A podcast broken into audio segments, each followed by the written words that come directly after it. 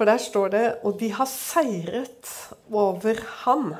Hvem er det? Over Satan, faktisk. Og de har seiret over ham i kraft av lammets blod og i kraft av sitt vitnesbyrds ord.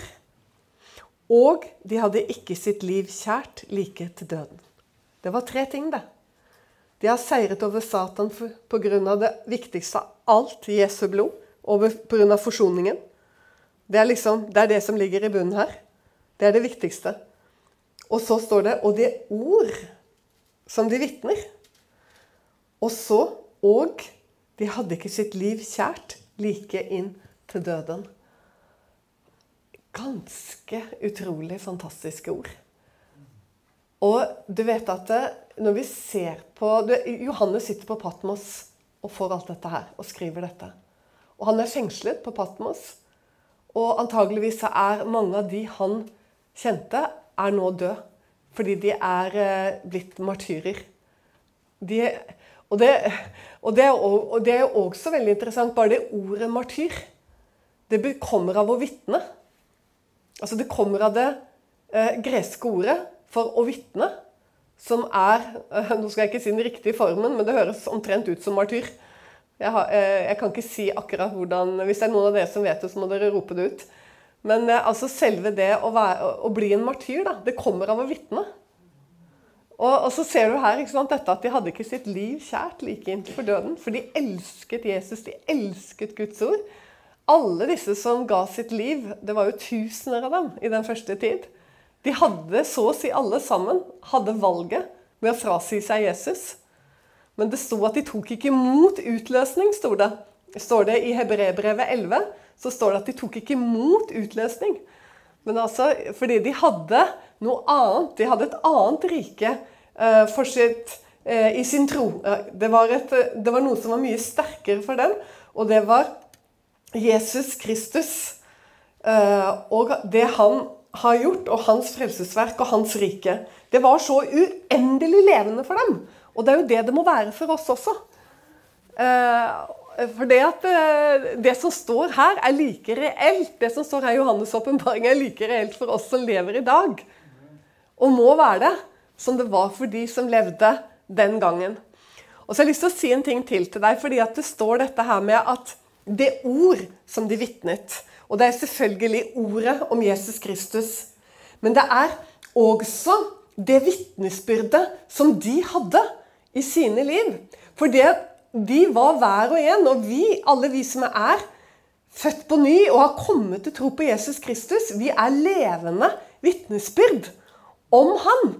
Om hans, om hans eh, korsfestelse, hans død og hans oppstandelse. Fordi at når vi ble frelst, så frelste han oss ved sitt ord. For hans ord er disse levende såkornene som gjør at vi blir født på ny. Han taler sitt ord inn i livet vårt. Og ved dette ord så ble vi frelst. Dette herre guddomsord som talte, og det skjedde, og han bød, og det sto der. Han talte sitt liv inn i oss. Og på grunn av det så er vi alle sammen levende vitnesbyrd om han. Og, og, jeg tenker på det at Du vet at Ja, altså, La oss eh, gå til et annet sted, men av samme apostelen. Det er Johannes, og han er jo helt fullstendig i samsvar med seg selv, selvfølgelig. Og hvordan han skriver, hvordan han taler, hvordan han vitner om Kristus. Og i det første brevet, Johannes sitt første brev, i det første kapitlet, så står det Det som var fra begynnelsen. Så det er jo nesten som du er tilbake i Johannes-evangeliet òg. Sånn? Han, han har en helt egen måte å legge ut evangeliet om Jesus Kristus på, som er annerledes enn Peter og Paulus og ja, for den saks skyld eh, Jakob. Han sier det som var fra begynnelsen, det som vi har hørt, det som vi har sett med våre øyne, det som vi har skuet, og våre hender har rørt ved om livets ord. Og livet ble åpenbart, og vi har sett det. Og vitner om det. Og forkynner dere det evige livet som var hos Faderen, og ble åpenbart for oss. Altså Tenk på det å være et vitne. Hva er det et vitne er viktig for? Hvis du tenker en rettssak, så er jo vitnene utrolig viktige. Og noen vitner er hovedvitner. Altså, og de må kanskje ha politibeskyttelse. Fordi at deres vitnemål er så viktig. Fordi at det, det har sånn vekt. Og det har en sånn tyngde. og vi er slike levende vitnesbyrd. Fordi vi kan si som Johannes, jeg kan si som Johannes, at det jeg hadde hørt, det fikk jeg se. Og det jeg fikk se, det fikk jeg jammen meg skue. Først må jeg si at det er ikke alle språkforskere på gresk som er enig i det, faktisk. At, at, at, det er samme ordet, altså at ordet for Gud kommer av det samme. Kommer av det å skue. Men det er spennende hvis du tenker på Paulus, sant? som sier det i Romerbrevet 1, at alt sammen har han lagt åpenbart for at vi skal kunne se ham. Altså Han sier vi er uten, de er uten unnskyldning, de som ikke tror. Fordi han har lagt det åpent, liksom. Han har bevist at han fins, ut ifra de gjerningene han har gjort. Ikke sant? På vår jord og i våre liv. Og, altså, du, Vitnesbyrdet om ham er så mange steder. Sånn at eh, de er uten unnskyldning, sier Paulus i Romerbrevet i det første kapittelet. Og det er på litt den samme måten Johannes begynner med, men han tar liksom tak i vitnesbyrdene i våre liv. Sånn, det vi hadde hørt, det fikk vi, det fikk vi se. Sånn, sånn, for meg er det helt levende, for jeg hadde hørt om Jesus. Og hvem av oss hadde ikke hørt om Gud og Jesus? Men jeg trodde ikke på han. Men så fikk jeg se det med meg. Jeg fikk se han, jeg fikk se det i ordet. Jeg fikk se at det var sant, og jeg fikk mer enn se det. Jeg fikk skue det. Jeg, jeg fikk bli overbevist om det som ikke synes. Og så fikk jeg full visshet om det som håpes. Det tror jeg er å skue det. Vi fikk skue det. Altså, vi ble overbevist. Vi fikk åpenbaring. Men så sier han enda mer enn at vi fikk høre, se og skue. Vi fikk føle på det. Vi fikk kjenne på det. Om livets ord. Og dette ordet på gresk, og her er det ikke noe uenighet Det er så spennende, for det kommer egentlig av liksom å beføle. Kjenne seg fram med hendene. Fantastisk. Snakk om å få komme Gud nær. Og jeg har mange ganger tenkt på det. og Det har sikkert du også gjort. Fordi Hvis du ser f.eks. i Lukas evangeliet i det tiende kapittelet, men dette står andre steder også, så ser du at når Jesus når han sendte sine disipler ut, så står det det at han sendte dem ut uten noe som helst. Altså, De hadde ikke engang sko på føttene.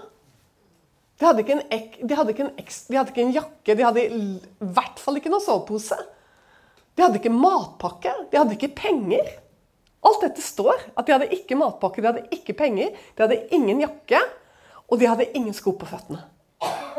Og så er det noen som tenker at ja, men dette er kanskje litt sånn symbolsk, altså. Jeg har aldri hørt noen preke om det, andre enn meg selv. Sant? Det er ingen som på en måte har festet seg ved det. Så man tenker liksom at Enten at det hører til det vi egentlig ikke forstår, eller, eller at liksom Ja, men det var sikkert ikke så bokstavelig. Det var i høyeste grad bokstavelig. Han sendte dem uten sko på beina, uten noe som helst, og det var en grunn til det. Det var for at de skulle få sterke vitnesbyrd om den levende Gud i sine liv. De skulle lære å kjenne hans omsorg. De skulle lære å vite hvem han er. De skulle ha sterke vitnesbyrd i sine liv. Og du vet at det jeg sier nå, det er ikke noe jeg tar ut av luften, fordi under det siste måltidet mellom Jesus og disiplene, så sier Jesus noe underlig. Han sier det at når jeg sendte dere ut, sier han, for han til å tenke tilbake, så sier han da sendte jeg dere ut uten sko, sa han. Og jeg sendte dere ut uten mat og uten penger. Og så sier han Manglet dere noe? sier han. Manglet dere noe den gangen? Nei, sier sånn. De manglet ingenting. sånn. Og så sier han, men nå, sier han, for nå er det natten som skal rå i Getsemane. Nå, sier han, Den som har en ekstra kappe, selg den og kjøp et sverd. Og så sier han ta med mat, ta med penger. Underlige ting. For nå er det natten som rår. Altså nå kommer på en måte disiplene Hva er det som skal skje med dem? Jo, de skal siktes som hvete. Og dette vi, kommer vi kanskje tilbake til, for det er veldig interessant, det også. De skal siktes som hvete. Ja, kjære Gud, altså, men det sier også noe om hva dette såkornet, som allerede var sådd i dem, hva det var mektig til, og hvordan det var mektig til å bevare dem. Jesus sa 'jeg har bedt for deg, Peter'. For Peter sa 'Å nei, nei jeg skal gå gjennom liksom sånn, om så deg, Jeg skal dø for deg', sier Peter der og da. Og så sier bare Jesus, som kjente han ut og inn, så sier han 'Peter, hanen skal ikke gale i natt' før du har fornektet at du kjenner meg tre ganger. Sånn. Og, og bokstavelig. Han, han, tok jo med seg sverdet òg, han. Sånn. Men jeg tenker på, Peter var en spesiell fare fordi Jesus ba spesielt for Peter. Jeg ba for deg, Peter. Alle skulle bli siktet. Han sa, 'Peter, Peter, Satan krever å sikte dere som vet det.' 'Men jeg ba for deg, at din tro ikke skulle svikte deg.' Så det var helt sant, det. At han sendte dem ut på denne måten for at de skulle erfare ham. For at de skulle lære å kjenne han. Uh, hvor omsorgsfull han er, og hvor god han er. Og har, ja, vi, har, vi, manglet ingenting! Tenk, tenk, Jesus, vi hadde ikke sko på føttene engang, og vi mangla ingenting, for de fikk jo sikkert sko. da, vet du. Det kom vel en eller annen gående med noen sko til dem. Du har kanskje opplevd noe sånt i livet ditt, du også. Sant? At du, at du bare står der, og du har absolutt ikke det du trenger. ikke sant? Jeg glemmer ikke, jeg eh, var i faste eh, på, under en konferanse oppe i Nord-Norge. Og så hadde jeg vært i faste jeg mener det var i tre-fire dager.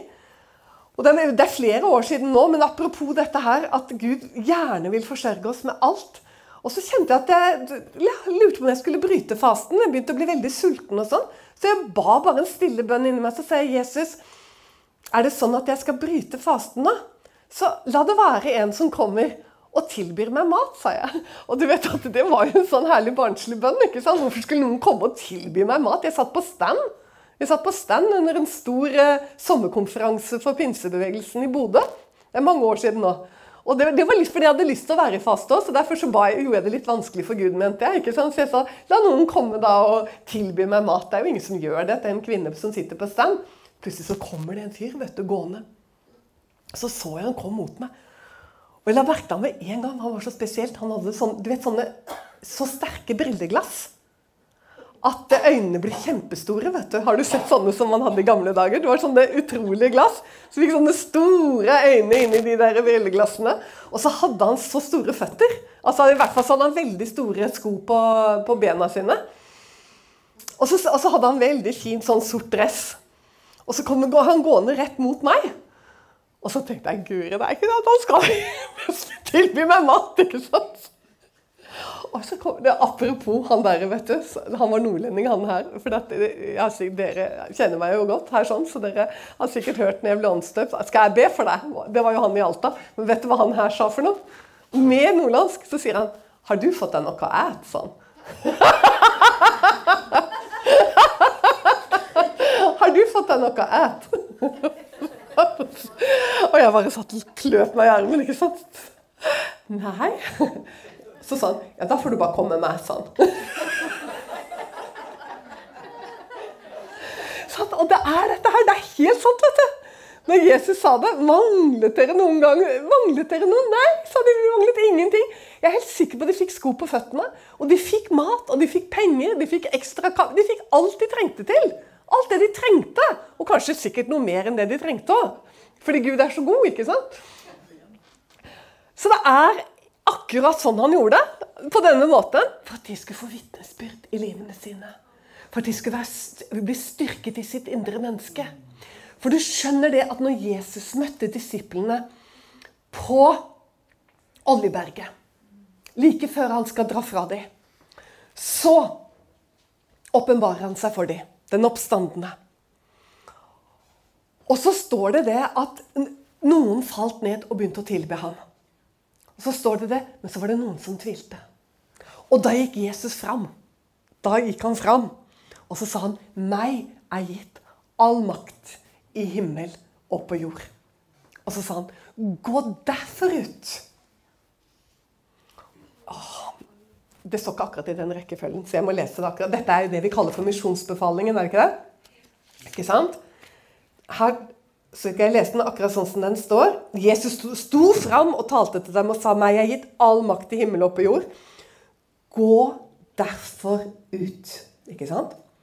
Og gjør alle folkeslag til disipler idet dere døper dem til Faderen og Sønnen og Den hellige ånds navn. Og lærer dem å holde alt det jeg har befalt dere. Og se! Jeg er med dere alle dager inntil verdens ende. Du, når han sier dette Meg er gitt all makt i himmelen og på jord. Og så sier han, gå derfor ut. Og vi er så vant til at dette er misjonsbefalingen for misjonærer som skal gå ut i et annet land. ikke sant? At vi nesten ikke helt klarer å høre hva han sier. For det er så innmari misjonsbefalingen og det å gå ut som misjonær ut av Norge, liksom. Men det det betyr, er jo å gå ut, hva enn det betyr i ditt liv. Altså gå ut i tro etter Jesus. Gå ut ifra alt det som holder fast i deg. Gå ut ifra alle disse lenker og bånd som hindrer deg. Eh, gå ut utenfor leiren, som det står et annet sted i Nytestamentet, for å bære ikke sant, vannæren, vanæren, bære Kristi vanære. Eh, og gå ut med Han, fordi Han er gitt all makt i himmel og på jord. Og nå hopper jeg over dette med dåpen, og hør nå. Så står det 'og se'. Og du forstår det at det er faktisk litt avhengig av hverandre at du går ut. For det er når du går ut, at du skal se. Vi vil ofte se før vi går. Sånn? Vi, vil, vi vil helst liksom vi vil helst, Det er litt sånn som Moses foran Det røde hav. Sånn? Så, så, så, hadde de Rødehavet der, og så hadde de Egypts hær på den andre siden og Rødehavet foran seg. Og det ble full panikk eh, hos folket, naturlig nok. Og de roper og er helt fortvilet. Og så, og så sier bare Moses ikke sant, at eh, Nei, nå skal vi bare se hva Gud skal gjøre, sier han. sant? Og da kommer det. Og sant? Bare vær rolig, sier han. Nå skal vi se hva Gud skal gjøre. Og det, akkurat, det, Dette er litt på godt norsk, men den setninga har vært brukt, misbrukt kan du si, i sanger og alt mulig. Fordi at Gud er ikke helt på lag med Moses når Moses snakker sånn. Vi må ta det. Eh, det står i mener jeg, det 14. kapittelet i andre Mosebok. Moses sier Frykt ikke, dere skal bare stille dere opp og se Herrens frelse, som han skal fullbyrde for dere i dag. For slik dere ser egypterne i dag, skal dere aldri evighet se dem igjen. Herren skal stride for dere, sier Moses, og dere skal være stille. Og du, hvor mange ganger det har vært liksom sånn. Ja, liksom. sant? Og det er jo sant på et vis. Men akkurat når Moses sier det her nå, så, så kommer det Herren sa til Moses, 'Hvorfor roper du på meg?' Det er ganske kult. Altså, eh, Dere skal bare være stille, og Herren skal stride for dere. Så kommer det fra Gud. Hvorfor roper du til meg? Hvorfor roper du til meg, Moses? Si til Israels barn at de bare skal gå videre. Og du skal løfte opp staven din ikke sant? og dele Rødehavet. Du, det er, det er utrolig det som står her sånn. Men det, det jeg ville at du skulle se, da, det er dette her med at gå ut og se. Hører du hva jeg sier til deg? Gå ut og se. Om det ikke betyr annet for deg enn å gå ut av benkeraden og gå fram til forbønn. For noen mennesker er det som å reise til Kina som misjonær. Altså, Det er like voldsomt og skummelt og farlig å gjøre det. For du er så redd, ikke sant? og du er så bekymra, og du er bare liksom Åh, Bare det er så skummelt å gjøre noe sånt nå, ikke sant? Men hør her, gå ut og se. Jeg er med deg. Det var så Peter. Hadde ikke han gått ut av båten, så hadde ikke han fått oppleve å gå på vannet. Nei, og jeg må bare si at Ja. Jeg tror det er helt riktig for meg å si at uh, alle de gangene hvor jeg har uh, Heldigvis så hadde jeg alle disse fantastiske årene hvor jeg jobbet i pinsemenighetenes ytremisjon. Ni år nesten. Og alle de situasjonene jeg kom i når jeg var ute på Nå blir jeg litt sånn altså på misjonsfeltene. Og da er det faktisk sånn at det er Bokstavelig sånn som det står, altså. Når du blir sårbar, hjelpeløs og trengende, for det blir du jo fort når du kommer under forhold som du overhodet ikke har kontroll, så får du også oppleve hvordan Gud er til stede.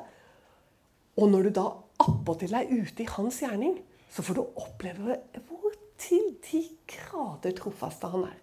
Altså det blir, det blir faktisk litt sånn derre uten sko på føttene, uten penger og uten mat.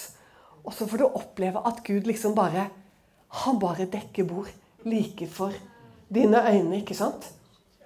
Jeg tenker på den gangen når jeg kom, eh, hadde vært eh, med penger fra pinsebevegelsen. Med penger som skulle til tsjetsjenske barn. Fordi det var en pinsemenighet i Osetia som hjalp tsjetsjenere. Og så skulle jeg være en budbringer. Og dette var jo under Jeltsin-tida, hvor det var kaos i Russland. Så fikk jeg beskjed av mine overordnede at ja, du må bare gå på liksom ikke tenke på det med pengene. Bare levere de til menigheten der nede. Så når jeg kom på flyplassen, så bare gikk jeg på grønt jeg vet du, når jeg kom til Russland. Og, og, og reiste videre til Kaukasus. Men når jeg skulle tilbake igjen og kommer til Moskva, så, så, så var det kontroll i tollen der. Og så lå det et skjema. Og på det skjemaet så sto det, sto det 'Har du innført penger til Russland?' Å, guri! Gud, hva gjør jeg? Ikke sant? For hvis jeg skriver det nå For det skulle jo deg Guri, det skulle jo sikkert jeg oppgitt når jeg kom inn i landet. Jeg gikk jo bare på grønt, jeg. Ja. Og dette her kan jo bli kjempefarlig. Kan, da kan jeg jo ikke skrive da, på den lappen at jeg har innført penger, for det kan jo være det kan, det kan jo virkelig være ille. Så sto jeg der, vet du, og, det, og så begynte jeg å komme framover i køen. Og det var masse mennesker bak meg og foran meg. Og så kommer jeg fram til hun store, kraftige russiske taleren i uniform. Og hun så helt livsfarlig ut. vet du. Og da hadde jeg skrevet ja. For jeg, jeg kan ikke lyve. Så jeg skrev ja, og jeg skrev hvor mye penger jeg hadde innført til Russland. Og jeg kom helt skjelvende fram der. vet du. Så bare ser hun på lappen. Så ser hun på meg, ser på lappen. Så sier hun bare 'Er du gal?'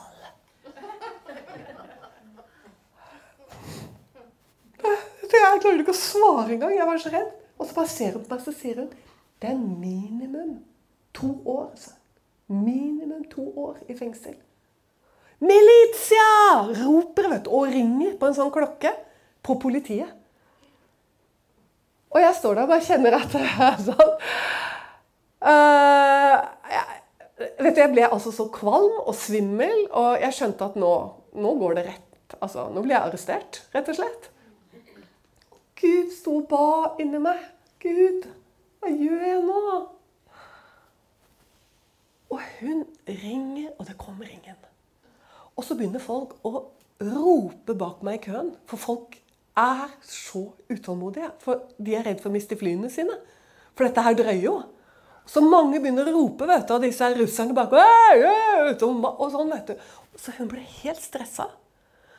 Da, og du vet, hun hadde sånn blankpolert sånn her eh, stålbenk da, som kofferten min lå på. For den hadde hun åpnet opp. Og så tok stresset helt over for henne av alle disse brølene bak meg. Heldigvis så tar hun tak i kofferten min, og så bare slenger hun bortover gulvet. Og så, så sier hun sånn Du vet ikke hvor heldig du er i dag, sa hun. Forsvinn!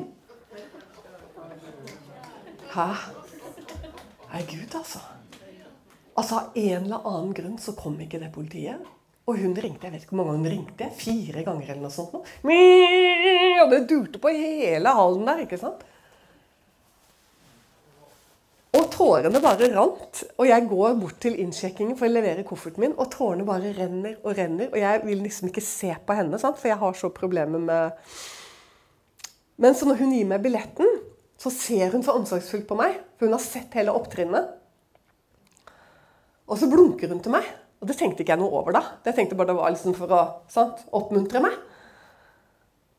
Men så når jeg går om bord i flyet, så er jeg jo fremdeles veldig meg. Og, og, og, og stresset pga. alt dette, og er fortsatt redd, egentlig. Jeg, jeg, jeg, var, jeg var, fortsatt redd òg, for at det kunne skje noe, liksom. At det kunne komme og hente meg fortsatt. Men så finner jeg jo ikke setet mitt. For det var jo vi i Pym, ikke sant. Altså, jeg gikk jo selvfølgelig rett forbi første klasse og gjennom forheng og bakover på økonomi for å finne setet mitt, og finner ikke setet mitt, og så ser jeg liksom først Jeg skjønner ingenting, ikke sant. Så går jeg til flyvertinnen og sier jeg finner ikke setet mitt. Og hun liksom bare Oh, my dear, you are first class, sier hun. vet du. så, så, hun ved innsjekkingen så hele opptrinnet, så hun rykket meg opp til første klasse. Så jeg satt jo da på Aeroflot, russisk flyselskap, på første klasse på sånne skinnseter. Med, med ikke sant, treretters middag, sølvbestikk. Det var jo mye flottere enn en, en førsteklasse på SAS eller noen ting. Med alle aviser hadde jeg villet en champagne, så de spratt jo champagnen, og det var i det hele tatt. ikke sant? Så, og dødstrøtt som jeg var, så fikk jeg ullteppe og, og denne stolen kunne du jo Det var jo lenestol, ikke sant? Det var jo helt fantastisk. Så i stedet for å ende i fengsel, så endte jeg på første klasse på Aeroflot. Jeg har bare lyst til å fortelle dere. Sant? Det, er jo, det er jo helt nytestamentlig. Det er jo helt vidunderlig. Tenk på når jeg var i Sibir, f.eks. Kom der første gangen. Det var jo som apostlenes gjerninger. Jeg hadde ikke mer enn landet. Og går over en stor slette der sånn eh, midt inne på taigaen i Sibir. Og så ser jeg bare et enormt dyr som kommer i full fart mot meg.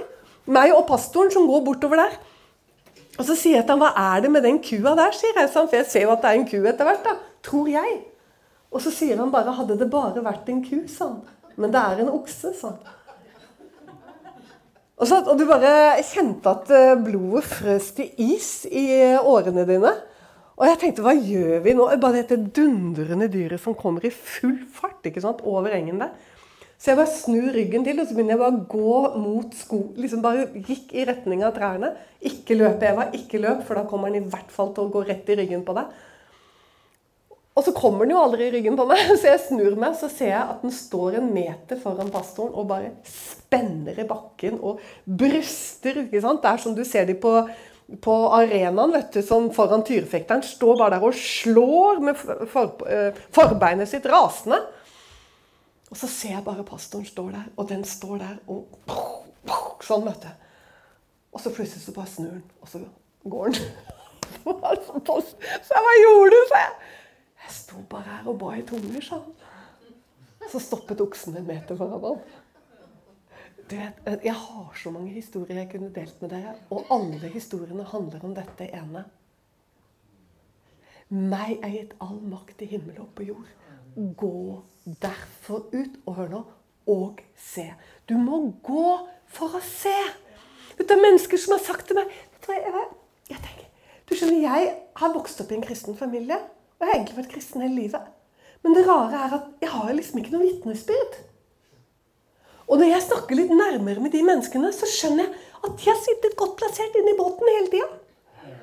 De har sittet inne i båten der og liksom passet på at de har en på den sida og en på den siden, og de sitter i midten. Og så har de sørget for at hver gang båten har gått ut, så har de passet på at det ikke er storm eller uvær eller noe som helst. ikke sant? Så de Her ser du det, eller? Sånn? Du skjønner, Vitnesbyrd er noe du kan få hvis du vil ha det. Altså Det kan være simpelthen så enkelt som å lyde Gud når du kjenner at 'nå burde jeg vært framme til forbønn'. Så tror du at verden kommer til å rase sammen fordi du har så menneskefrykt, så du, så du tør ikke det. Eller gå opp her og vitne, f.eks. Eller ja, Vent, da, nå har jo ikke du noe vitnesbyrd, men si da at uh, du hørte om et vitnesbyrd. Noe skjedde i familien din. Så kunne du gå opp og fortelle det, da. Ikke sant? Eller fortelle hvordan Jesus eh, frelste deg, eller et eller annet. da. Men altså, jeg treffer mennesker som sier 'Jeg har ikke noe vitnesbyrd'. Og jeg vet ikke engang når jeg ble, kan si at jeg ble frelst eller troende. Jeg bare vokste opp sånn, liksom. Jeg har ikke noe vitnesbyrd. Jeg, jeg har ett vitnesbyrd, og det er at jeg er bevart. Men da har jeg lyst til å si til deg at det er herlig at du er bevart, men Gud vil ikke at du ikke skal ha noe vitnesbyrd. Gud vil at du skal ha vitnesbyrd. Det var jo derfor Jesus brukte så mye tid med disiplene. Hvorfor tror du at han ble igjen i fire dager og lot, eh, og lot Lasarus dø? Han sa det var for deres skyld at jeg ikke var her når han ble syk, for da hadde han helbredet han med en gang. For han hadde ikke orket å se Lasarus dø. Men han, han ble igjen. Fordi han skulle vise hvem han var for dem, sånn at de skulle ha en godt forankret tro. Altså, at Du kan ikke forankre din tro på vitnesbyrdene dine, men det er klart at disse levende opplevelsene med Gud er viktige i livet ditt. Og han vil at du skal ha dem, og du kan være med å få dem sjøl. Kom deg ut av båten!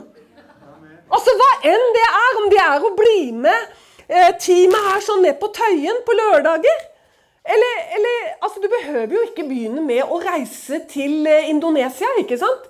og bli med dem som skal operere der. Hvis det er litt for skummelt, så kan du jo begynne med å ta noen litt andre skritt først. Men for Guds skyld, gå ut. For det er når du går ut, at du får oppleve og se. Og se. Du vet at Det står også i Det gamle testamentet så står det 'smak og se at Herren er god'. Altså, Du må, du må smake deg i det minste. Sant? Du må ta tak i ting. Du må liksom bestemme deg. Det er jo ingenting som er noe verre enn at du får hjerteklapp i møte fordi Den hellige ånd jobber med hjertet ditt. For du har fått noe. Kanskje du har fått en lovprisning. Han vil at du skal åpne din munn og prise ham. Men så gjør du det ikke. Fordi du har menneskefrykt. Og det er jo en sånn tomhet. Det er jo sånn ubeskrivelig tomhet. Eller du tenkte at å, nå har jeg egentlig fått det på sølvfat sant? og vitne for et menneske. Og du bare kjenner deg liksom så det dirrer i situasjonen. Du står sammen med den personen, og du kjenner liksom bare det Det ligger nesten i luften at du må åpne din munn og si noe. Og så gjorde du det ikke. Og den tomhetsfølelsen man får da tenker Den kan bli god for én ting, og det er for å lære deg at sånn gjør du ikke. Sånn gjør du ikke. Du kan få vitnesbyrd i livet ditt. Det er ikke nødvendig å stå og si sånn Nei, vet du hva, når jeg tenker meg om, så har jeg ingenting å vitne om. Jeg.